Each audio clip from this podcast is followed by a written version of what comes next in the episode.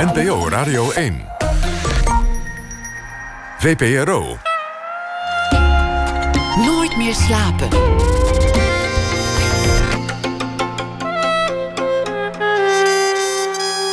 Met Pieter van der Wielen. Goedenacht, dit is Nooit meer slapen. Keizer Tiberius regeerde het Romeinse Rijk en dat deed hij per post. Nog lang voordat thuiswerken in de mode raakte. Hij woonde op Rhodos en later op Capri en hij werd de droefkijkende keizer genoemd. Volgens Suetonius was hij ook een sadist en een pedofiel. En iemand die zoveel dronk dat zijn bijnaam uiteindelijk Biberius werd vanwege de dubbele tong. Ter zake. Sana Valiolina is hier en zij schreef een boek, Een wolf bij de oren pakken, geïnspireerd op deze keizer Tiberius. Zelf groeide zij op in Estland, toen nog deel van de Sovjet-Unie. En ze heeft dus ervaring met grote rijken. Haar vader leefde nog onder Stalin, dus ze weet ook uit eerste hand wat een despoot is. Geboren in 1964 als Russisch sprekende Tataar in Estland, kwam ze in 1989, nog voor de muur viel, naar Nederland. Ze heeft inmiddels een heel oeuvre geschreven, onder meer Het Kruis, Kinderen van Brezhnev en Didar en Farouk. Sana, welkom. Dankjewel. Dank dat je, dat je gekomen bent. Die, uh, die aandacht voor de klassieken. Ik vind het wel interessant als je uit, uit Rusland komt. Ik ben benieuwd wat dat destijds voor jullie in de Sovjet-Unie betekende. Waar, kende jij die oudheid van? Was dat deel van het curriculum? Waren dat verhalen die verteld werden? Nou, uh, voor mij persoonlijk uh, was het meer dat die be belangstelling voor de klassieken of kennismaking met de klassieken uh, heeft echt met mijn vader te maken. Mijn vader was gewoon een ja, uh, enorme lezer. En uh, hij verzamelde boeken, dus we hadden thuis gewoon een gigantische boekenkast. En hij was ook uh, enigszins, ja, eigenlijk wel, kan ik wel zeggen, geobsedeerd door, uh, niet zozeer ook de, door de klassieke oudheid, dus de Grieks-Romeinse oudheid, maar ook door de oude beschaving in het algemeen. Dus ik heb. Had bijvoorbeeld die epos van Gilgamesh, heb ik ook allemaal. alles, alles mijn vader, en Egyptische beschaving. En dus inderdaad, de Grieks-Romeinse beschaving. Zo had ik bijvoorbeeld als kind, ik herinner me nog heel goed, had, had hij zo'n boekje thuis liggen. Verhaal over de beroemde Grieken, dat was Plutarchus. Dan uh, voor kinderen of voor. Hè, voor uh, was het een beetje aangepast. En dat las ik gewoon, dat vond ik fantastisch. En dat was het dus een beetje, dat, dat was zijn persoonlijke belangstelling. Maar je had natuurlijk ook, uh, kijk, wij, wij woonden natuurlijk in het imperium en alles was ideologie. En er was natuurlijk een, toch wel een kleine groep mensen, intellectuelen, uh, bijvoorbeeld klassici, die zich volstrekt, uh, die, zich, die, die zich helemaal bezig hielden met de klassieke oudheid. Dus er is wat dat betreft enorm veel geschreven in Rusland. Uh, boeken van wetenschappers, historici, filologen over de klassieke oudheid. Prachtige boeken op heel hoog niveau. Want dat was veilig. Dan, dan kon je Dat over was- iets schrijven zonder Ja. je vingers te branden. Dat was zo, min of meer veilig, want eh, ach ja, eh, dat was lang geleden. En ach, die, die, die keizers. Dus het, het kon geen gevaar vormen voor de, voor de Sovjet-ideologie. En, eh, Zoals de Sovjet-Unie ook heel veel wiskundigen heeft opgeleverd. Zeker wiskundigen, natuurkundigen, heel veel eh, dat soort mensen. En dus ook filologen van, eh, nou ja, klassieke oudheid. Je hebt zelf. Sanskriet, allemaal dat soort interessante dingen. Scandinavistiek op heel hoog niveau. Dat, dat, was ook filologie. Dat, ja, dat was ook. Hier kwam ik en is alles maar letterkunde of talen. En, maar het was een filologie, dus het was echt heel erg breed. En ik heb zelf eh, rom- op een Romaans, eh, Germaanse afdeling van de filologische faculteit, filologische faculteit gestudeerd. En Latijn was gewoon verplicht voor ons bijvoorbeeld. Hè. En mensen die eh, eh, bijvoorbeeld Russisch studeerden, dus dat waren slavisten, die moesten oud Grieks leren. Dus dat, dat was toch een soort eh, curriculum, inderdaad. Ja, ja, ja. Het was. eh, ja, ik weet het, nu is het misschien veranderd, maar het was toch een soort gedegen. Ja, gedegen studie, kun je wel zeggen. Ja, we hadden natuurlijk een hoop onzin met ideologische vakken. Wetenschappelijk communisme was ook een curriculum. Tien, tien uur eh, per, per week allerlei idiote dingen. Waar je nooit meer wat aan zult hebben. Eh, nou ja, zoals Lenin zei, je kan in elke leer een kiem van, eh, van waarheid vinden. Maar het was natuurlijk krankzinnig, ja. ja.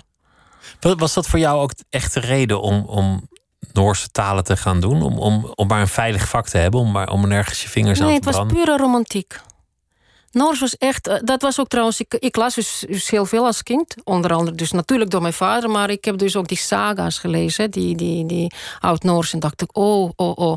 En toevallig toen ik eh, ging studeren, want het was niet zo, je kon niet elke dag Noors doen. Het was Noors, Zweeds. Uh, uh, Fins, Deens, het waren zogenaamde rare talen. Dus uh, bijvoorbeeld één jaar had je Noors, volgend jaar had je Deens. Dus je kon Noors maar eens in vier, in jaar studeren. En toen ik dus uh, de toelatingsexamens heb gedaan, je moest toelatingsexamens doen. Het was enorm prestigieus, die filologische faculteit van de Moskouse Staatsuniversiteit. Er waren 25 personen op één plek. Het was gewoon keiharde wedstrijd, concurrentie. En toen heb ik dat, dus toen, toen ik dat achter de rug had, uh, dus toen bleek dat zij dit jaar net met die Noors begonnen. Toen wilde ik gewoon absoluut Noors studeren. Zonder überhaupt na te denken over de toekomst. Wat moet je daar verder mee? Weet je, we waren zo ik, totaal niet praktisch of niet bezig met, met allerlei uh, ja, carrière dingen. Nee, totaal niet. Althans, ik niet. Uh, pure romantiek. Je moest ook nog echt wel een soort van concours doen. Je werd echt uh, op een matje. Ja, dat waren dus te midden van allerlei hoogleraren. Dan moest je uitleggen waarom je dan Noors moest eh, wilde studeren. Toen moest ik nog een of andere Noors woord... Uh, vlieplas moest ik uh, ontleden. ik heb gezegd dat het een vliegveld was. Maar goed, nu wijken we een beetje... Maar goed, ja, dat is dus... Ja, ja, ja. Maar, te, mm -hmm. maar je zei... De oudheid, dat was lekker veilig, want niet ideologisch. Ja. Ik las dit, dit boek wat je geschreven hebt over, over keizer Tiberius met ergens in de verte in mijn achterhoofd ook deze vrouw is opgegroeid in de Sovjet-Unie. Mm. Die weet wat het is om, om te leven in een groot rijk dat, dat uiteenvalt. Ja, dat is wel zo. Het is, ik denk eigenlijk alle bewoners en ex-bewoners van het Sovjet-imperium, want dat was imperium, hebben ook die obsessie met het imperium. Weet je. Ik, ik, ik heb ook wel in zekere zin. Uh, ben ik, heb ik obsessie met het, met het imperium als fenomeen. Met het macht en met die absolute macht. En dat heeft me altijd gefascineerd. Uh, dus zeker, zeker uh, zijn er overeenkomsten. Het is niet zomaar dat ik me zo aangetrokken voelde tot het Romeinse Rijk. Ja, niet te besturen, zoals de Sovjet-Unie uiteindelijk nou, ook Nou, niet. wel goed te besturen, joh. Het is als je het vergelijkt met... Ik heb natuurlijk uh, tijdens het... Vooral Augustus heeft mij... Ja, die ik in mijn boek noem ik Augustus Octavianus. Maar iedereen kent hem natuurlijk als Augustus. Meer de verhevene, dus... Uh, ik was steeds toch, toch de vraag... Ja, wie, wie, wie vind ik nou erger? Poetin of Augustus? Wie vind ik nou... Ik, ik denk dat ik Poetin erger vind. Ja, eigenlijk, ik weet het zeker dat ik hem veel erger vind. En ik denk dat uh, wat mij dus. Uh, wat, wat, wat uh, het Romeinse imperium. Kijk, het Sovjet-imperium was gewoon een soort van.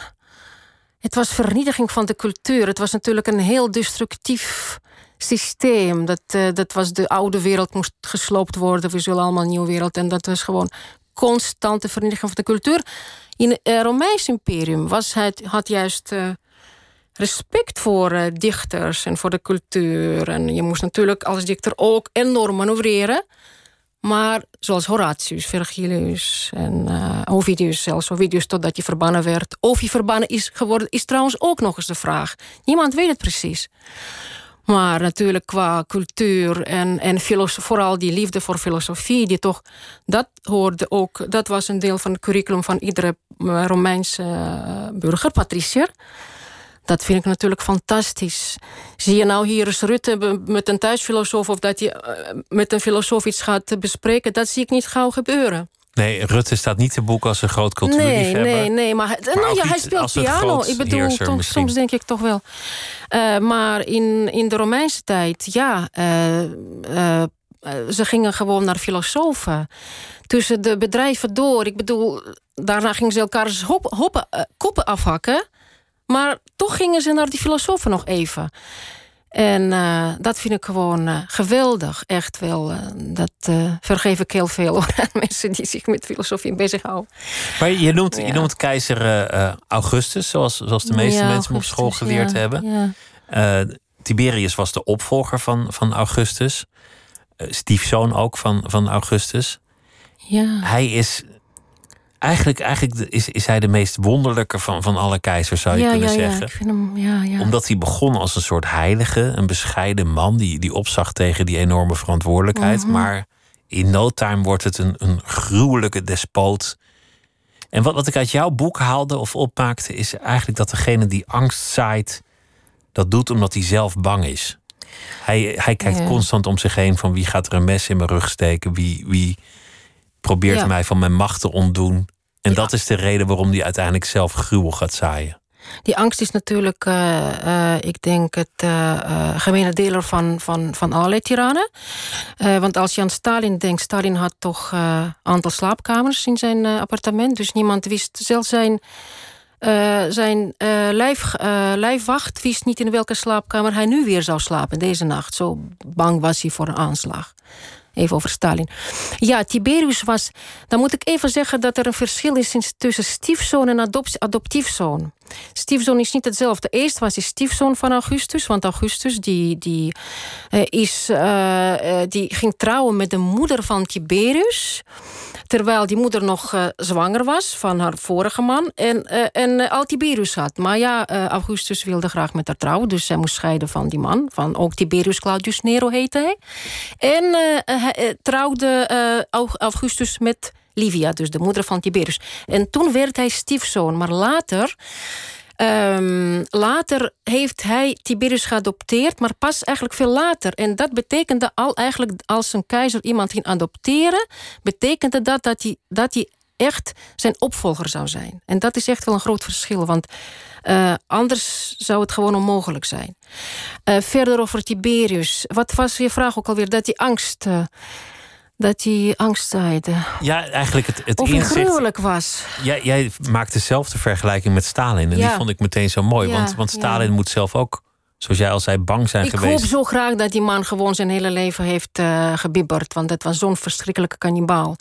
Dus het enige wat ik dan hoop als ik aan Stalin denk... dat verdorie dat hij ook gewoon vreselijk angst heeft uitgeslagen. Dat hoop ik gewoon, maar dat weet ik natuurlijk niet. Ja, Tiberius. jouw, vader, jouw vader heeft geleefd onder Stalin. Ja, dus ja, ik, ja, ja, ik ben in zekere zin zelden zo in de buurt geweest van iemand die onder Stalin heeft geleefd. Jij, jij hebt die verhalen uit eerste hand Ja. Van, van je Ja, ouders meegekregen. Ja, mijn vader is echt wel slachtoffer van, van het Stalin-regime. Ik ben tweede generatie. Het is eigenlijk gek, want ik ben qua leeftijd... zou mijn vader mijn grootvader kunnen zijn. Maar omdat hij dus eh, tien jaar in de kamp heeft gezeten... is hij aan alles tien jaar later begonnen. Dus eh, mijn, mijn, mijn generatiegenoten... eh, hun ouders eh, zijn geboren echt wel na de oorlog. Dus mijn vader is echt wat dat betreft uitzondering. Ik heb directe, directe band met, met, met, met, eigenlijk met het Stalin-systeem. Dat kun je wel zeggen via mijn vader. Hoe is hij slachtoffer?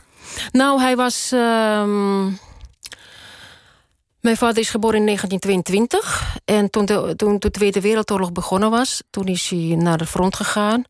En hij is gevangen genomen, krijgsgevangene is geworden in 1943 waarschijnlijk. Dat weten we niet precies. En toen is hij. ehm, toen is hij, eh, om te overleven, want er waren verschrik- verschrik- verschrikkelijke omstandigheden voor de, voor de Sovjet-krijgsgevangenen. Dat weet men in het Westen ook heel weinig van. Maar het waren wel bijna 5 miljoen mensen die gevangen zijn genomen, waarvan maar 2 miljoen heb- het, hebben het overleefd. Eh, dus mijn vader heeft zich aangesloten uiteindelijk voor de Duitsers is gaan werken. En om te overleven. En toen eh, is hij eh, door de Duitsers naar eh, de, de Atlantiekwal gestuurd. Want daar waren ze waren natuurlijk heel erg bang dat ze wisten precies waarvan de geallieerden zouden aanvallen. Dus die Atlantiekwal werd gebouwd, dus Russen daarheen. En toen, die, na de D-Day, is mijn vader gevlucht. Eh, de benen genomen, want ze moesten allemaal tegen de Amerikanen vechten. Nou, daar had hij helemaal geen zin in. Toen is hij gevlucht naar de Amerikanen. En daar gewerkt ook als tolk. En later eh, door de Engelsen meegenomen naar Engeland. eh, voor een, zat hij daar in zo'n Prisoners of War camp. En toen eh, eh, was dus die beroemde Jalta-conferentie, eh, waarbij dus besloten is dat alle krijgsgevangenen, ongeacht hun wil, terug naar Rusland gingen. En dat betekende gewoon voor sommigen doodstraf en voor anderen tien jaar kamp. En mijn vader heeft tien jaar in die kamp gezeten. Dus hij is pas in 1955 vrijgekomen. En uh, dus dat is het verhaal van mijn vader. Dus dat is ook weer een heel verhaal apart, want daar ben ik natuurlijk ook heel erg mee bezig. Dat is mijn volgend boek. Weer helemaal heel maar, maar vertelde hij daarover? Was dat een, wat een, een verhaal dat gewoon zo direct werd verteld over hoe het in het kamp was, wat hij daar meemaakte? Sprak hij daar makkelijk nee, over? Nee, nee, helemaal niet. Nou, dat was natuurlijk ook een verboden terrein. Hè? Het was natuurlijk, uh, het was, uh, er bestond helemaal geen kamp in de Sovjet-Unie. We hadden geen hoeren, we, we, hadden geen kampen. Het was gewoon een perfect land.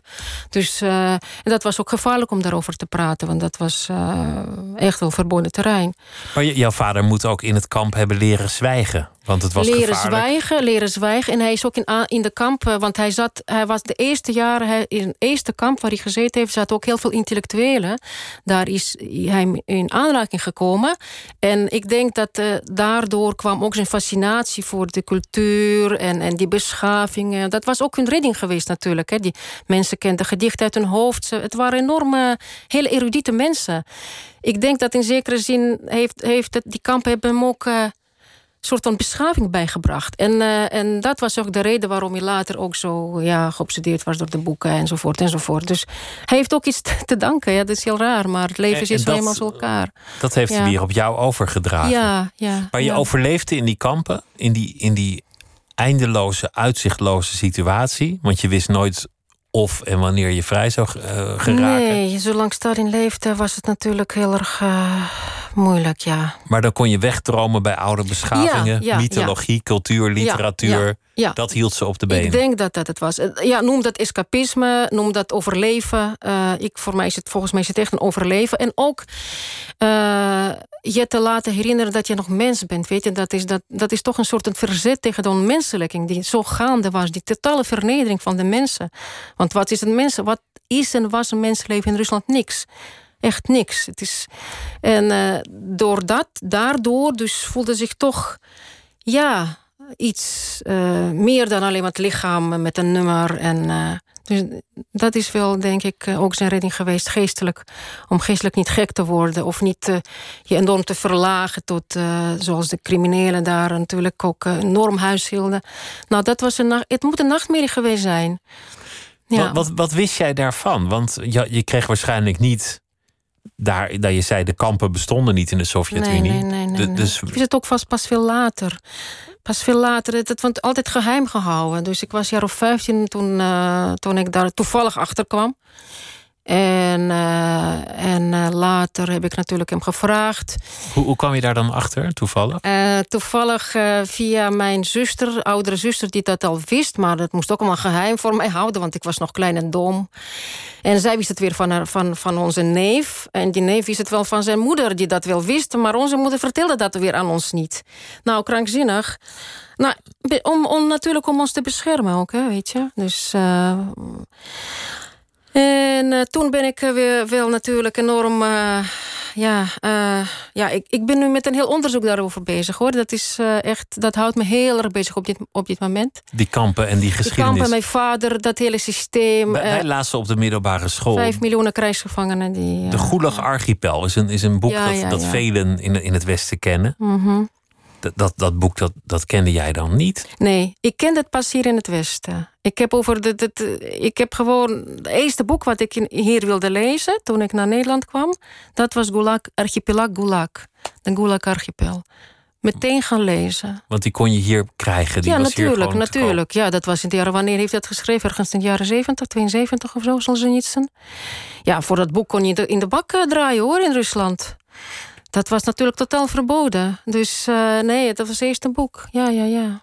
Laten we het hebben over het zwijgen. Want, want voor een schrijver is het zwijgen altijd een interessant thema. Ik, ik meende dat ook terug te zien in, in dit boek over Tiberius. Veel dingen kan hij niet benoemen, of in ieder geval niet zelf weten. Dus mm. er zit veel in het boek waar, waar niet echt over gesproken wordt. Of, of indirect. Of hij praat tegen een slang. Ja, hij praat tegen een slang. Wat al een teken is dat hij tegen niemand even zijn verhaal kan doen. Nee, nee, nee. De slang is natuurlijk... Ten eerste vertrouwt hij alleen maar die slang. Het is Cora. Cora is, komt uit het, van het Grieks Coré, een meisje. Uh, het is waar, Tiberius heeft inderdaad een slang, schijnt een slang gehad te hebben. Dat las ik bij Suetonius. Als huisdier? Als huisdier. En hij, was, uh, hij kweekte ook komkommertjes, hij, hij was gewoon dol op die slang.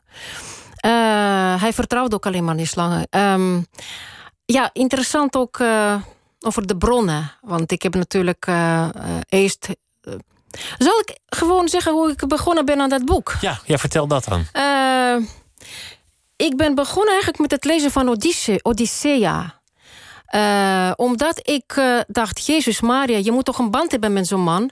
Dat was voor mij zo'n uitdaging. Ik kan niet ergens over schrijven als het niet een deel wordt van mijn ziel. Hoe wordt zo'n man van 2000 jaar, wel, wel ruim 2000 jaar, een deel van mij? Hoe wordt het? Dat Hoe is... wordt zo'n marmeren bust ineens een levend ja, mens? precies. Hoe wordt het? En toen ben ik achtergekomen. Hij was natuurlijk dol op de mythes. Dat lees je bij alle bronnen. Uh, maar toen las ik bij... Je hebt ook uh, natuurlijk moderne wetenschappers...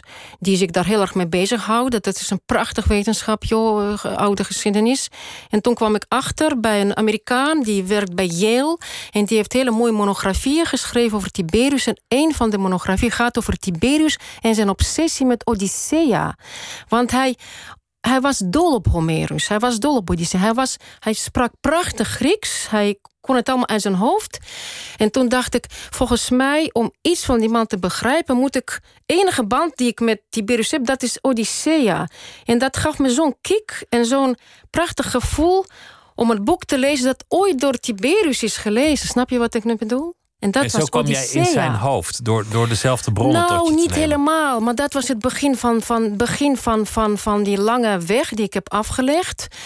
Want uh, het is me wat om over zijn man te schrijven. Weet, er is zoveel komt op je af. Je moet kiezen, dat weet je niet. Op het moment dat je daarmee bezig bent... weet je absoluut niet wat je wil en niet gaat gebruiken. Je hebt... Nou, ik heb geleden. Het was echt zwaar. Ik begreep er helemaal niks van mezelf. Waarom moet ik zoiets doen? Waarom? Wat, waar komt die masochisme vandaan? Kijk, je, was bezig totaal met iemand anders en toch opeens ging ik aan mezelf denken. Ik had enorme faalangst. Uh, en, en de berg boeken groeiden en groeiden en groeiden. Want in elk boek zag je weer iets anders. Oh, en dit en dit en dit. Ik moet het lezen. Ik heb wel ik denk jaar of drie gelezen, wel met onderbrekingen, totdat ik dacht, nu moet ik daarmee ophouden. Ik, moet, ik word gek. Kijk, je hebt mensen, we komen weer bij die formaliteit, glas half vol en half laag, half vol en half leeg. Kijk, ik, ik dacht altijd van, ik weet nog niet genoeg, ik moet meer weten, ik moet meer weten. Na drie jaar dacht ik, dit gaat niet, dit gaat niet meer zo. Toen heb ik gedacht, dit weet ik, en nu ga ik naar Samos. En nou, ik ben naar Samos gegaan. Wie weet het eiland. Ik huur een huisje. Ik heb een huisje gehuurd. Ik heb een auto gehuurd. Ik, ik had een, een koffer vol boeken. Ik was alleen voor het toeristenseizoen. En daar ben ik gaan schrijven. Dat Samos was gewoon mijn redding geweest. Want, want dat is ook nog een wonderlijk aspect aan, aan Tiberius. Dat zijn leven in strikt geografische termen enorm uitgestrekt is. Ja, Van daarom... Rome naar Rodos, naar, naar Capri, naar Germanië. Pannonië. Zuid-Spanje, weet ik veel. Hij is overal geweest. Zeker, overal geweest. En dat is, dat, ik denk dat hij ook daarom verwantschap voelde met, met Odysseus. Odysseus, zeg je in het Nederlands. dus dat, dat enorme omzwervingen en... en uh, vaderloos in zekere zin. En uh, ja, dat is ook zo. Maar op Samos is hij niet. Op Samos is hij waarschijnlijk één keer geweest, want daar zat zijn stiefzoon Gaius Caesar, de zoon van Julia en Agrippa. Agrippa. Uh, toen kwam hij hem bezoeken van Rhodos naar Samos. En op Samos, interessant, Samos heeft ook nog, uh, behalve natuurlijk allerlei prachtige Griekse oudheden, heeft ook nog ruïnes van een Romeins, uh, Romeinse kasteel in Pythagoreon. Pythagoreon. En Samos bleek dus een soort van uh, residentie te zijn van de Romeinse keizers die, die daar gingen overwinteren. Wat mij zeer verbaasde, want winters op Samos zijn echt helemaal niet zo zacht. Maar misschien 2000 jaar geleden wel. Want ze vonden dat in, niet Rome uit te houden. Dus ze gingen allemaal naar, uh, naar Samos om daar te overwinteren. Joh. Dus dat, daar ben ik ook allemaal achter gekomen. Ik heb zoveel dingen geleerd. Het leven van die man. Hij, hij ja. is gevlucht als baby voor de familie waar hij uiteindelijk adoptiezoon van zou worden. Hij is gescheiden onder dwang van de vrouw waar hij van hield. om met iemand anders te trouwen voor een politiek huwelijk. Mhm. Hij verloor twee zonen in, in het uh, geweld van het Romeinse Rijk. Hij moest permanent om zich heen kijken. Hij zoop Daar, daar zijn de verhalen ja, ook. soap. Ja, Biberius, ja. Ik bedoel, in de Mhm. Sovjet-Unie werd gesopen, maar Tiberius kon er ook wat van. Mhm. Weer zo'n overeenkomst met Stalin. En in die dronkenschap gaf hij zich over aan gruwelijke, reusachtige baganalen. Mm, nou ja, dat is dus iets wat gezegd wordt. Wat wil niet zeggen dat het waarheid. Kijk, Dat is kwaadsprekerij misschien dat weer. zou heel goed kunnen. En überhaupt, eh, weet je, wat is. Ja, je gaat een boek schrijven over Tiberius. Hij staat bekend als een enorme wellusteling, een pedofiel. Het is allemaal zo erg dat die citaten in, de Russische uitgave niet eens eh, worden vertaald. Maar ergens bij de noten is die, die beruchte citaat, ik zal zeggen wat het betekent, beruchte citaat in het Latijn. Dus alleen voor de kenners, voor gewone volk moet het maar niet lezen, want dat is te erg voor woorden. Nou, dat is dus die befaamde citaat over de visjes. Dat zijn. eh, ja, want Tiberius, als hij dan ging baden. Dan, dan, dan, dan zwommen daar in het badwater speciaal eh, babytjes die speciaal getraind waren in het likken van zijn testicles. Nou, dat kan natuurlijk geen Sovjetlezer aan, dat begrijp je wel, dus dat werd onver- onvertaald eh, gelaten. En dat komt van Suetonius. die Dat komt van dat. Suetonius en allerlei andere dat soort dingen.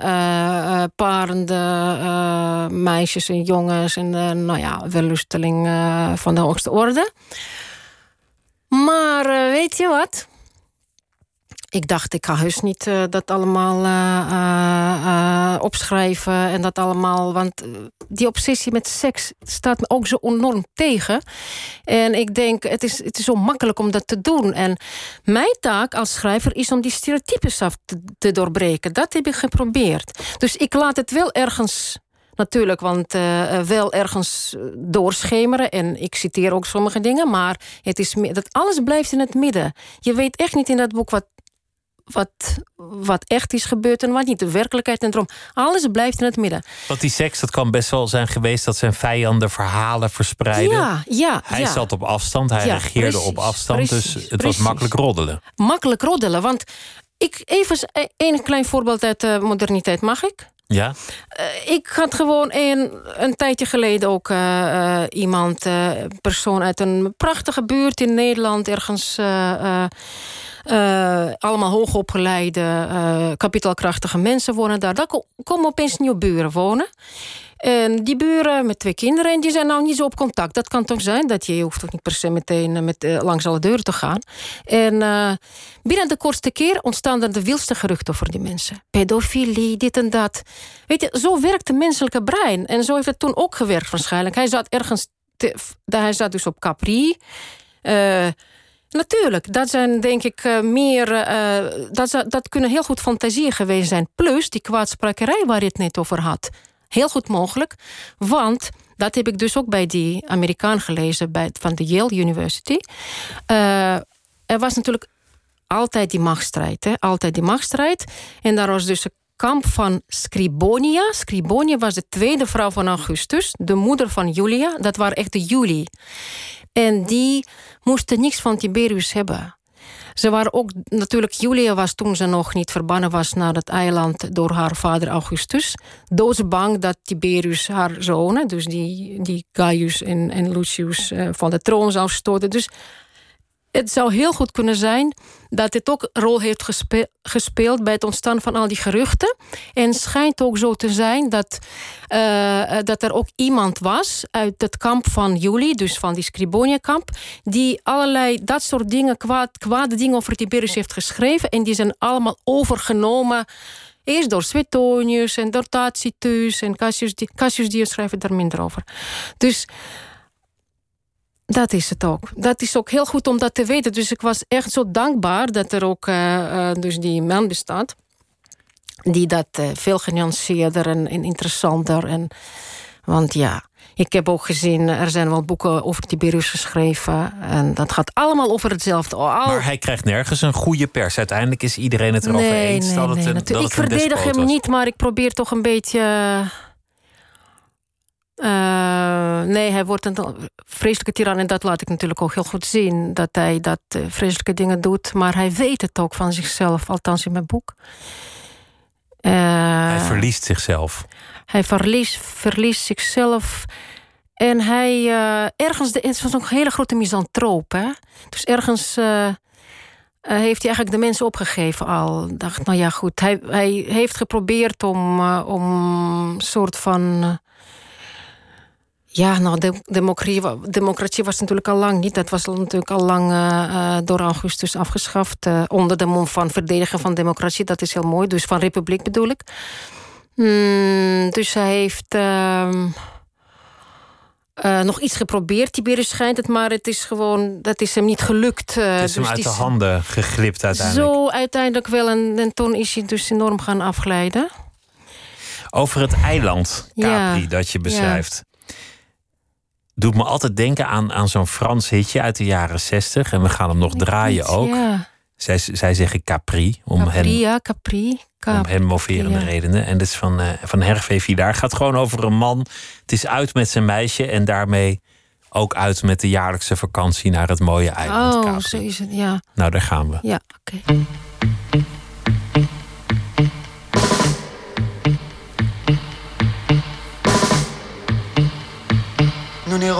Plus jamais où tu m'as dit je t'aime. Nous n'irons plus jamais. Tu viens de décider. Nous n'irons plus jamais. Ce soir, c'est plus la peine. Nous n'irons plus jamais. Comme les autres années.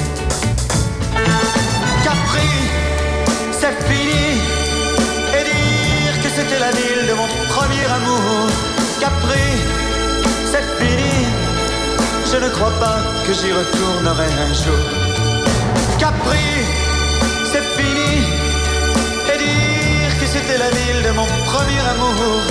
Capri, c'est fini. Je ne crois pas que j'y retournerai un jour. Nous n'irons plus jamais où tu m'as dit je t'aime. Nous n'irons plus jamais comme les autres années. Parfois je voudrais bien te dire recommençons, mais je perds le courage, sachant que tu diras non.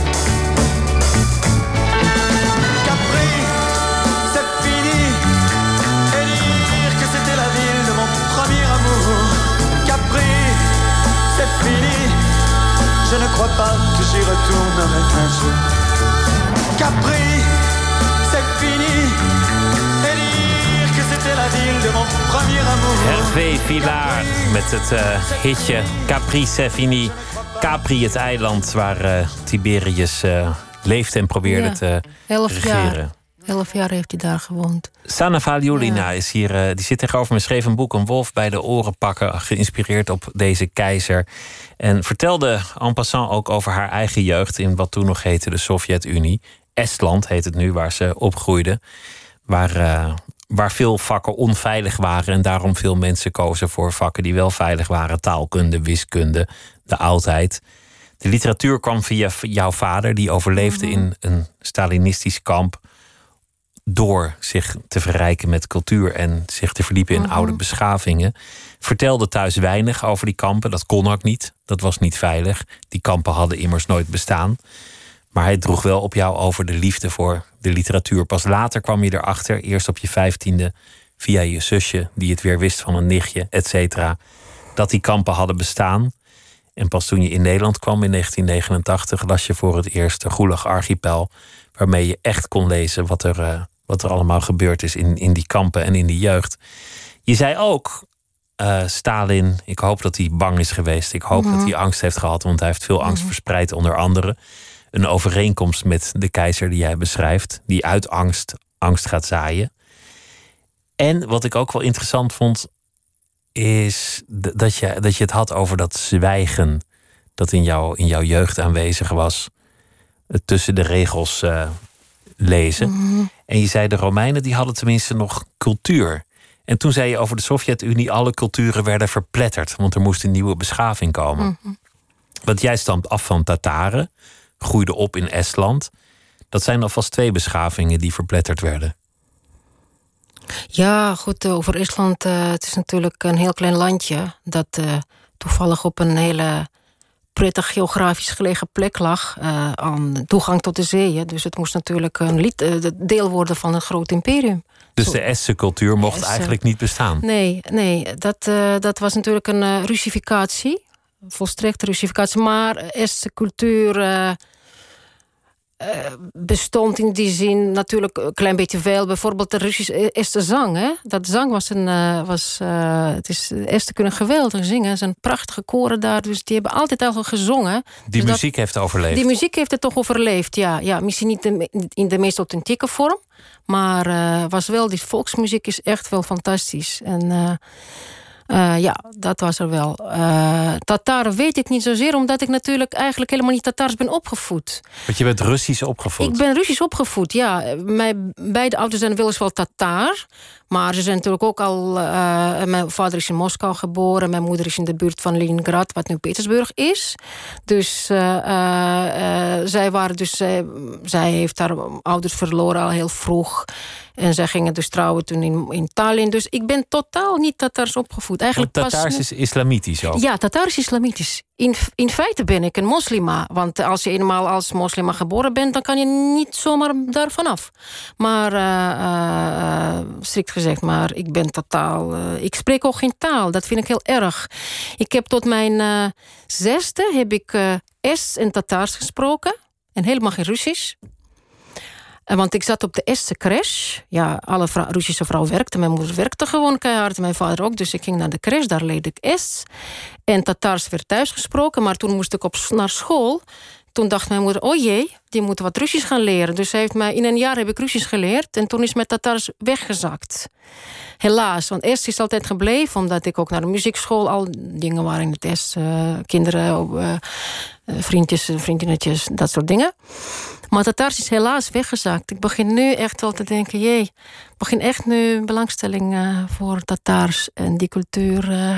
Ik heb wel ook een plankje met uh, allemaal boeken over islam thuis, maar nog niet echt daaraan toe begonnen. Romeinen kwamen weer op. Die maar, kwamen er weer tussen. Maar nu de Romeinen ja, min of meer achter de rug zijn, min of meer. Dat blijft natuurlijk een fascinerende wereld. Wat ik zo leuk vind, dat ik nu eindelijk voor mijn lol kan lezen. Dat is ook als je drie jaar achter elkaar echt... Nou, het is waar, ja. Het is waanzinnig interessant, maar op een gegeven moment denk je... Nou ja, ik heb het je verteld, ik ben toen echt... Ik heb die beslissing genomen om echt nu... En nu ga ik schrijven, ik ga nu naar Samos. En dus ik ben heel dankbaar. Eh, het was een goede beslissing geweest. En nu lees ik af en toe. En toen moest ik eigenlijk niks meer van die Romein. Dan denk ik, oh nee, ik wil geen Romein meer zien en horen en, en lezen. Maar nu begint het weer. dat is natuurlijk fantastisch. Nu komt dat weer tot, tot leven. Weer, ja. Maar ook Romein hoor. Het, blijft mijn liefde. En Grieken vooral, Grieken. Het is interessant dat, dat je. Dat je zoveel onderwerpen hebt. Die, die, hè, want je had het al over de kampen, daar moet ik nog eens over schrijven. Die Tataren, daar wil ik me nog eens in verdiepen. Je hebt in Nederland een, een, eigenlijk een grote Russische roman geschreven over je ouders en, en hun geschiedenis. Ja, ja. Een, een succesvol boek. Een, een, boek over je eigen jeugd. Je hebt geschreven over je aankomst in Nederland. En je had een verhalenbundel, dat ging ook over, over Nederland en hoe jij dat ziet, van, vanuit jouw mhm. blik. En het eerste dat jou opviel aan Nederlanders en jouw eerste associatie, mhm. dat was witte tanden. Is dat zo? Ja, waar, waar... Dat schreef je, dat, dat, oh. dat je Nederlandse mannen zag. Oh. Die, oh ja, die witte tanden, ja. En die hadden allemaal, dat waren allemaal grote mannen die niet flirten met de vrouwen en die hele witte tanden hadden. Strenge mannen met, uh, ja, met witte tanden. En uh, heel lang inderdaad, ja. En doelgericht. Spierdoel, ja, heel, heel efficiënt. en de tweede associatie was bols. Een man die met jou oh, een fles bols wilde. Ja, ja, het is bos, maar dat was een Rus. Hè? Dat was een, dat was een hooggeplaatste Rus. Want je kon niet zomaar, zomaar een fles bos daar uh, achter, aankomen hoor. In Moskou, dan moest je wel toch van uh, goede, uit de goede huizen komen. Nee, dat was, uh, hij had een, inderdaad een fles bols. Ja, dat was natuurlijk een soort toverdrank. Je zit dan zo'n fles en dan, dan dat gele dat, dat gele vocht, dat gouden vocht eigenlijk wel. ik wist niet wat ik zag. Het was ook erg lekker naar mij. Ja, nu vind ik het vreselijk, maar uh, de zoete, mierzoete drank. dat is de tweede associatie. De tweede associatie, ja, Pools, ja. En je bent toen uiteindelijk naar Nederland verhuisd vanwege de liefde? Omdat ja, je iemand was vanwege de liefde, ja. Vanwege de liefde, ja. Maar waar had je die ontmoet? In Moskou. Wat, wat deed hij daar? Eh, hij is een slavist. En hij had ook heel, heel veel vrienden daar. En we hadden toevallig een gemeensch- gemeenschappelijke vriend. En toen hebben wij elkaar ontmoet bij die gemeenschappelijke vriend. Eh, moet ik nog iets verder? Nou ja, en, en zo sprongen de vonken over. Eh, vrij snel, ja. Want eh, ja, we bleken ook diezelfde boeken leuk te vinden. Kijk, daar komt het weer. Komt ze weer met die boeken. Maar het is waar. Het is voor mij belangrijk dat ik met een man echt ergens over kan praten. Behalve eh, iets anders doen en ook praktische dingen. Je hebt ook wel geschreven dat je het moeilijk vond in Nederland. Die doelgerichte mannen die nooit met je flirten, die nooit verliefd op je werden, die nooit een serenade ja. brachten. Ehm, dat mag ook helemaal. Die mannen zijn ook een beetje, natuurlijk, worden toch een beetje kort gehouden hier, hè? vind je niet? Eh, althans, dat idee heb ik eh, door eh, strijdlustige dames. Ja, is, is dat zo? Ik- ik weet het niet. Dat zou kunnen, dat zou zo, zomaar kunnen. Maar, eh, ach ja, weet je, eh, op een gegeven moment. eh, nee, ik heb mezelf. Ik, ik denk dat ik me hier heb gevonden in Nederland. Mensen vragen vaak dan, ben je gelukkig of zo? Ja, dat, mensen houden van dat soort vragen. Nou, ik, ik denk altijd, ik zeg, nou, ik ben niet ongelukkig. Als je dat nou zegt, is toch al heel wat? Niet ongelukkig is al heel wat, ik ja. vind dat heel wat. Ik, heb, me- ik denk dat mijn gradatie van, van eh, hoe zou ik het zeggen, mijn plafond, ik weet lager ligt misschien, maar ik ben niet ongelukkig. En ik ben erg blij met mij. Mijn schrijverschap is zwaar, maar ook ontzettend eh, prachtig beroep. En dat doe ik. eh, en ik, ik heb het gevoel dat ik echt. ja, dat ik nog in de goede richting ga. Dat, dat kun je zoveel voelen. Soms weet je totaal niet wat je aan het doen bent. En dan word je erg wanhopig. Oh, dat had ik op Samos, die gewaarwording. Zal ik dat vertellen? Ja? Want dat is echt voor mij als.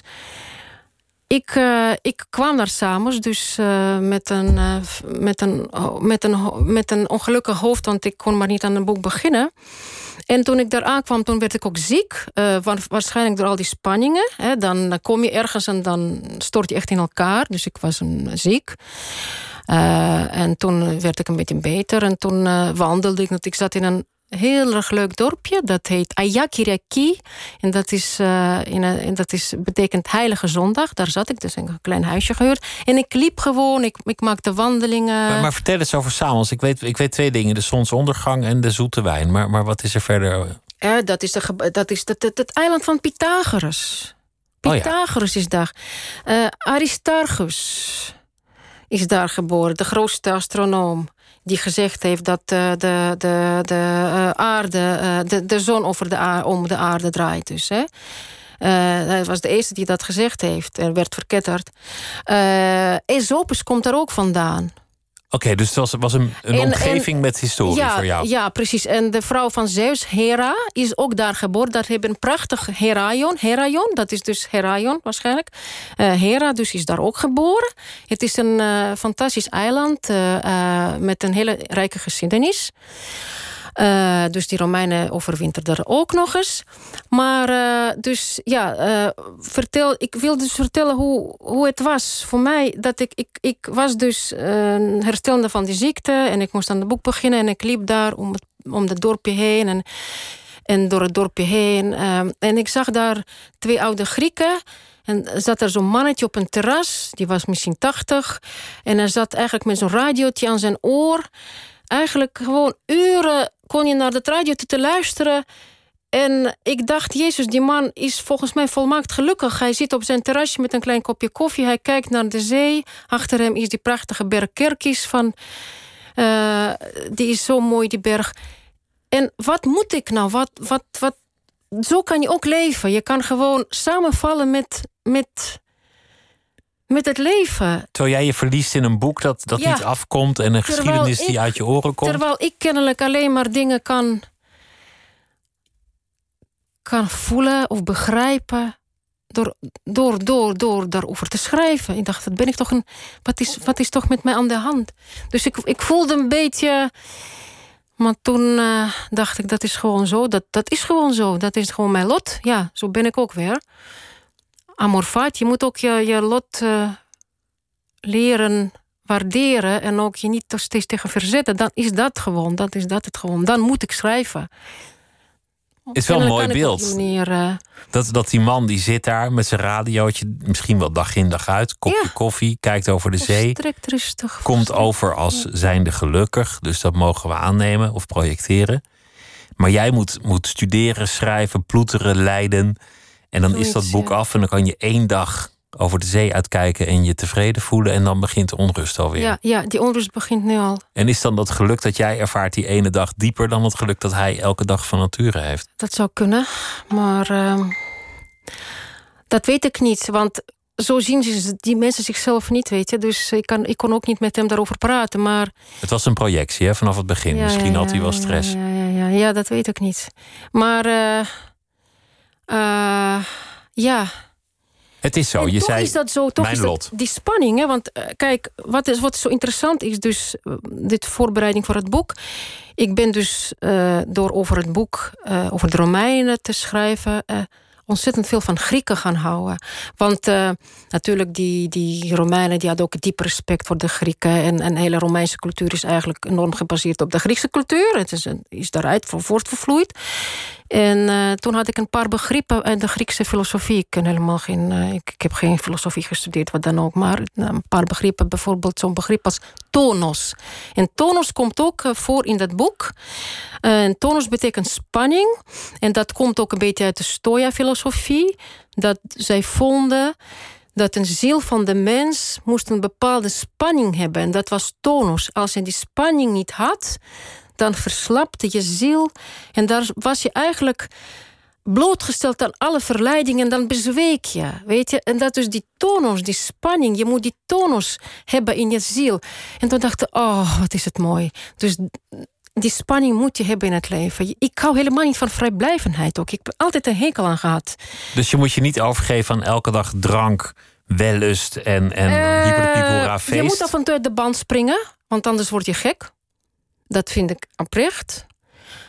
Maar het gaat toch echt om. eh, Discipline, dat is dis- toch ook dis- altijd Zelfdiscipline, oh ja, dat is Apollo absoluut. versus Dionysus. Dionysus Ja. van, van de wijn Ja, en het precies, gezang. En. Apollo van de discipline. En. Dionysus is niet je vriend, want Nee. die zegt uiteindelijk als je aan de afgrond staat... ah joh, afgrond, afgrond, neem er nog geen joh, komt wel goed. Mhm, Niet, niet wat een vriend zou ja, doen. maar ik waardeer Dionysus ook wel.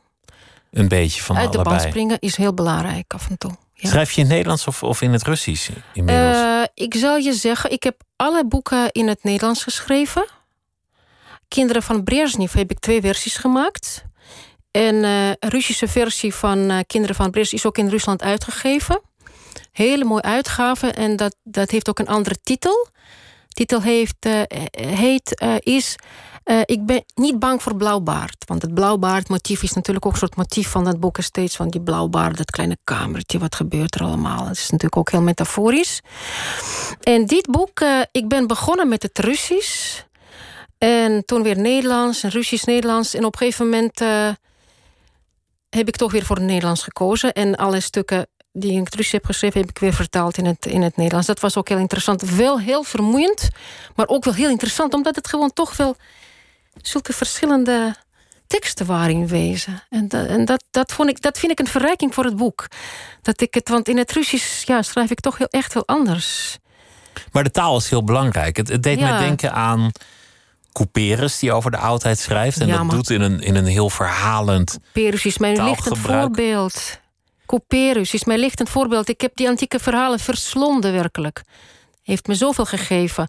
Couperus en Vestdijk. Nou, Vestdijk natuurlijk, ja. Dat, eh, Maar, die, maar Veste, oh, die had ik niet, niet ver- verwacht. Die, die schreef volgens mij veel over, over de middeleeuwen, toch? Nou, Couperus heeft tig eh, roman, romans geschreven over de klassieke oudheid. De nadagen van Pilatus, dat is echt een meesterwerk. En Xerxes, maar, maar, maar Vestdijk. Eh, ook nog eh, iets over de Griekse, de, de ehm verminkte Apollo. Dat is juist de verminkte Apollo gaat over de, de, de, de komst van Dionysus in de Griekse cultuur. En, en mensen zich daartegen verzetten, want daar komt die chaos. Dus dat komt opeens die maatschappij binnen. Dus heel veel mensen willen dat niet. Dus ja, Versdijk zeker heel veel aan hem gehad. psychologisch ook. Uh, hij is een geweldige schrijver, de beste schrijver vind ik. Ik, ik snap niet wat, dat, dat hij niet wordt gelezen. Dat, ik snap echt niet dat Visdijk gewoon in dit land niet wordt gelezen. Ik snap überhaupt niks van Nederlanders. Uh, mondvol hebben over de Nederlandse identiteit. Ga dan je eigen boeken lezen. Je gaat naar Italië met de auto, je stopt bij een pompstation. Je gaat een pompstation binnen en je koopt, gewoon bocatje op een pompstation. Wat is dat? Dat is pas iets. En hier nou ja, oké. Okay. Eh, behalve dat het een fantastische schrijver is... heeft natuurlijk ook hele leuke essays geschreven. Hele belangrijke essays geschreven. Ook over historische roman. Uh, hoe je een historische roman zou moeten kunnen schrijven. Uh, en dat heeft me heel troost gegeven in mijn wanhoops, uh, wanhoopsminuten of wanhoopsuren, dagen. Want hij telkens zei die, of een soort van, hij zei iets dat ik telkens tegen mezelf later zei. Een schrijver is geen alwetende man van de wetenschap. Dat is hij niet. Dat, wil ook niet. dat moet je ook niet willen. En dat gaf me natuurlijk een beetje lucht. Want je bent natuurlijk doodsbang dat want je... je moet een verhaal maken uiteindelijk. Ja, je bent bang dat je verscheurd wordt door, eh, door, eh, door de klassici... die zeggen, hier klopt niks van. Oh, dat, dat moet je volgens mij loslaten. Ja, maar, dat is moeilijk. Je zei dat je, dat je nu eigenlijk speelt met de gedachte om over, over het verleden van je vader, over, over de kampen iets te schrijven. Ja. Dat lijkt me pas moeilijk, omdat je er nooit meer helemaal achter zult komen hoe dat zat. Want, want zijn verhalen heeft hij jou nooit kunnen vertellen. Nee, nee. En hij is er niet meer. Heel moeilijk. Weet je, ik, ik moet accepteren dat, dat ik niet alles kan weten. En het is een heel groot onderwerp. Dus ik wil eigenlijk Um, door over hem te schrijven. Ook het hele vraagstuk van die krijgsgevangenen. Uh, vijf miljoen uh, Sovjet-krijgsgevangenen, dat, daar wil ik heel, veel, heel graag aandacht aan geven. Want het is praktisch onbekend in het Westen. Dat is. En dat wordt inderdaad een hele klus, maar ik ben nu bezig. Ik ben, we zijn ook een film aan het maken. is nu een documentaire maak ik met, met een regisseuse over mijn vader. En wij. Um, we hebben best veel archiefonderzoek gedaan en naar de plekken geweest, eh, naar die kampen geweest, naar, naar een plek waar hij vast heeft gezeten, in Doraal geweest. Dus ik ben heel erg daarmee bezig. Ja, en sommige dingen, daar kom ik nooit achter. Nee, dat is waar. En dat vind ik uh, heel, heel stom van mij, dat ik dat nooit aan hem gevraagd heb direct. Dat ik toch altijd een soort van ontzag had of iets van, van, van bang zijn om, was om hem te te grieven. Iets, iets ik weet het niet. Je, je durfde daar niet te komen. volstrekt. Ik, uh, ik, ik, ik bijt me nu aan mijn ellebogen. Zo stom vind ik het van mezelf. Je, je hebt toch familie en, en oude kennissen en vrienden en alles in, in Rusland, neem ik mhm. aan. Wat, wat, wat weet jij nu over, over corona? Want, want eigenlijk is dat ook zo'n zo'n merkwaardig onderwerp. We komen er niet echt achter hoe het zit, hoe het gaat. Ik, ik, ik, lees allerlei nieuwsberichten van over de hele wereld, van hoeveel gevallen. En die moet je allemaal ook niet geloven. Maar in Rusland. Ze weet het zelf heel slecht. Mijn zusters, uh, ik heb een zuster, oudere zuster, die woont in Moskou. En die werkte nu, uh, zij werkt gewoon in de kliniek. En dat was een, uh, het is een zo, uh, gynaecologische kliniek. En uh, um, die is nu opgebouwd, uh, omgebouwd tot de coronakliniek. Dus daar zitten nu 2000 bedden met coronapatiënten. Dus de, vrouwen mo mogen nog wel bevallen hoor. Die afdeling is wel intact. Maar de rest is allemaal coronapatiënten. En mijn zuster is, zij is geen arts. Zij is een biochemica. Dus zij werkt op een laboratorium met heel ingewikkelde analyses. Maar op dit moment doet ze analyses voor de coronapatiënten. En zij weet helemaal niks. Ze weet alleen wat haar computer laat zien... dat ze de leeftijd van de mensen en hun bloed, uh, bloed testen. Die, die maakt ze zelf, dus dat, ziet ze natuurlijk. En mensen vanaf 30 jaar, uh, 40, 50 echt scheringen... Inslag? Inslag. Uh, het is heel erg gewoon. En, uh, en verder, iedereen zwijgt of ze heeft gewoon geen informatie. Geen cijfers, niks. Want het mag eigenlijk niet bestaan. Nee, dat, eh, dat mag niet bestaan. Want het land is, zit natuurlijk in een vreselijke financiële economische crisis. Dus iedereen wil maar steeds werken verder. Dus het is allemaal heel halfslachtig daar ook.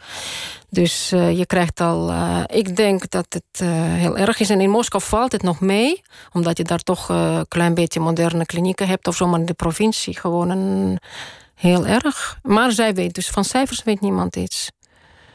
Dus jij kan uit haar verhalen opmaken dat het heel erg is daar, Ja. of dat er heel veel gevallen zijn. Ja, want zij ziet het gewoon.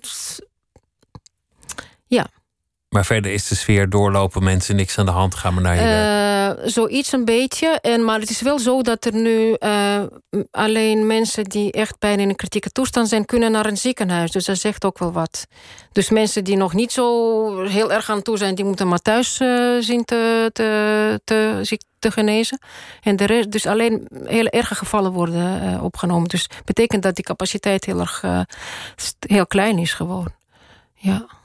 Nee, ja, dat is me wat zeg. Ja. Je, je zei in je column voor de radio dat het je deed denken aan je vader, die ook altijd bezig was met ontsmetten. Ja, ja, ja, hij heeft me ontsmet eh, voor Als de rest kind. van mijn leven.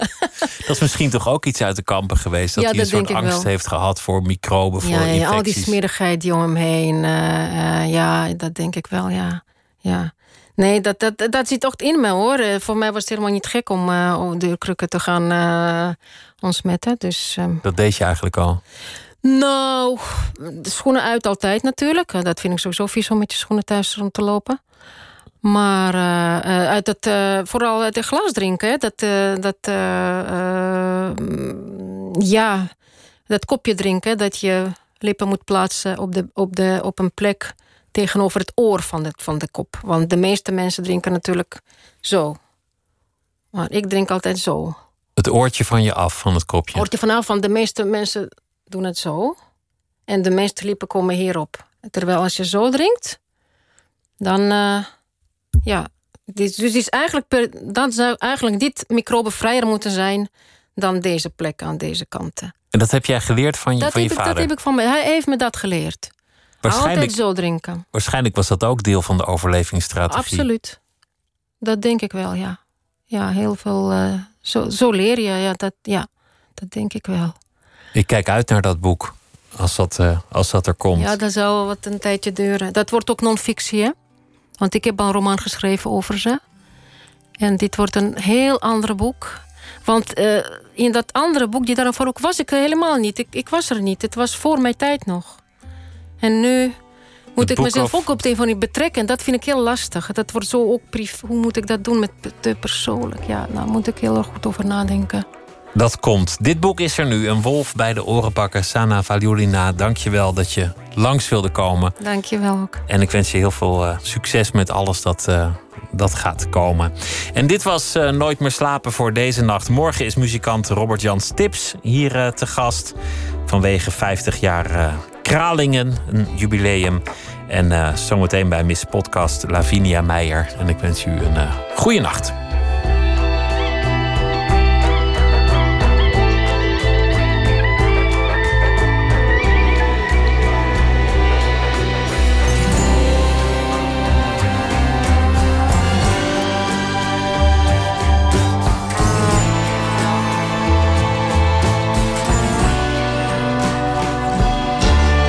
Radio 1.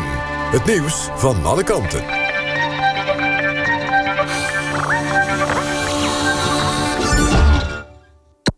NPO Radio